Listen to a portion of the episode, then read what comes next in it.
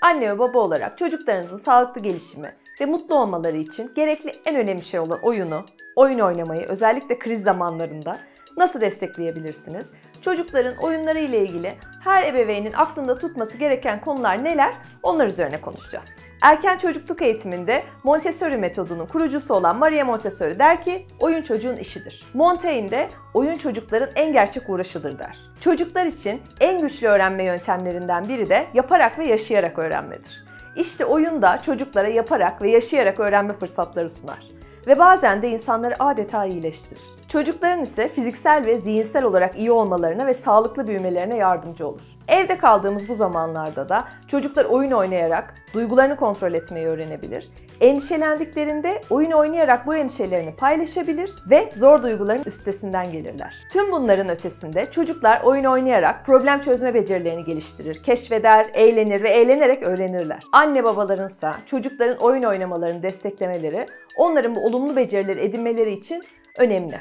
Peki bu destek nasıl sağlanabilir? Çocuklara her gün oynamaları için alan, zaman ve anlayış göstererek ve zaman zaman da elinizden geldiğince onların oyunlarına katılarak sizin ebeveyn olarak çocuğunuzun oyuna liderlik etmemeniz ve çok fazla müdahalede bulunmamanız önemli. Unutmayın sizin rolünüz çocuğunuzun oyununa liderlik etmek değil, oyununu kolaylaştırmak, desteklemek. Birkaç temel öneri paylaşmak istiyorum. Bu önerilerin üzerinden tek tek bir gidelim. Bunlardan ilki oyuna davet edilmeyi beklemeniz. Çocuğunuz gayet keyifli bir şekilde kendi kendine oynuyorsa bırakın oynasın, müdahale etmeyin. İkincisi ise oyunu kesintilerden korumanız.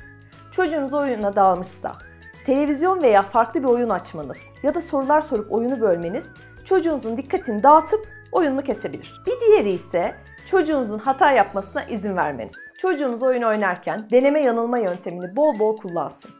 Oyun oynamanın tek bir doğrusu yok. O da oynarken yargılanacağını veya komik gözükeceğini düşünmeden özgürce ve rahatça denemeler yapsın. Tekrarlanan oyunları bölmeyin ve değiştirmeye çalışmayın. Bu anne babaların akıllarında tutması gereken önemli bir konu. Çocuklar aynı oyunu tekrar tekrar oynamaktan hoşlanırlar. Örneğin defalarca kutuyu oyuncakları doldurup boşaltabilir. Arabaları sıra sıra dizebilir, aynı masalın tekrar tekrar okunmasını isteyebilirler. Bu tekrarlar aslında çocuğun öğrenmeye çabaladığını, onun için yeni olan bir bilgiyi veya beceriyi kazanmaya çalıştığını gösterir. Becerilerini kendi hızında geliştirsin. Oyun oynarken çocuğunuz bazı şeylerde zorlanabilir. Sizin de ona yardım etmek veya onun yerine yapmak için içiniz gidebilir. Böyle durumlarda öncelikle onun kendi kendine yapması için fırsat vermeniz çok önemli. Bırakın önce bir denesin. Çocuklar böyle böyle öğrenir. Zorlanmaya devam ettiği durumlarda sorunu veya takıldığı aşamayı nasıl kolaylaştırabileceğine dair ipuçları verebilirsiniz.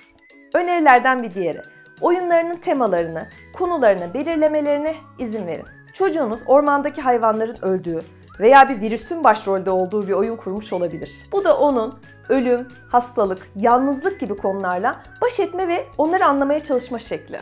Böyle zor konularla ilgili konularda oynamalarına izin vermek onların duygusal gelişimleri için çok önemli.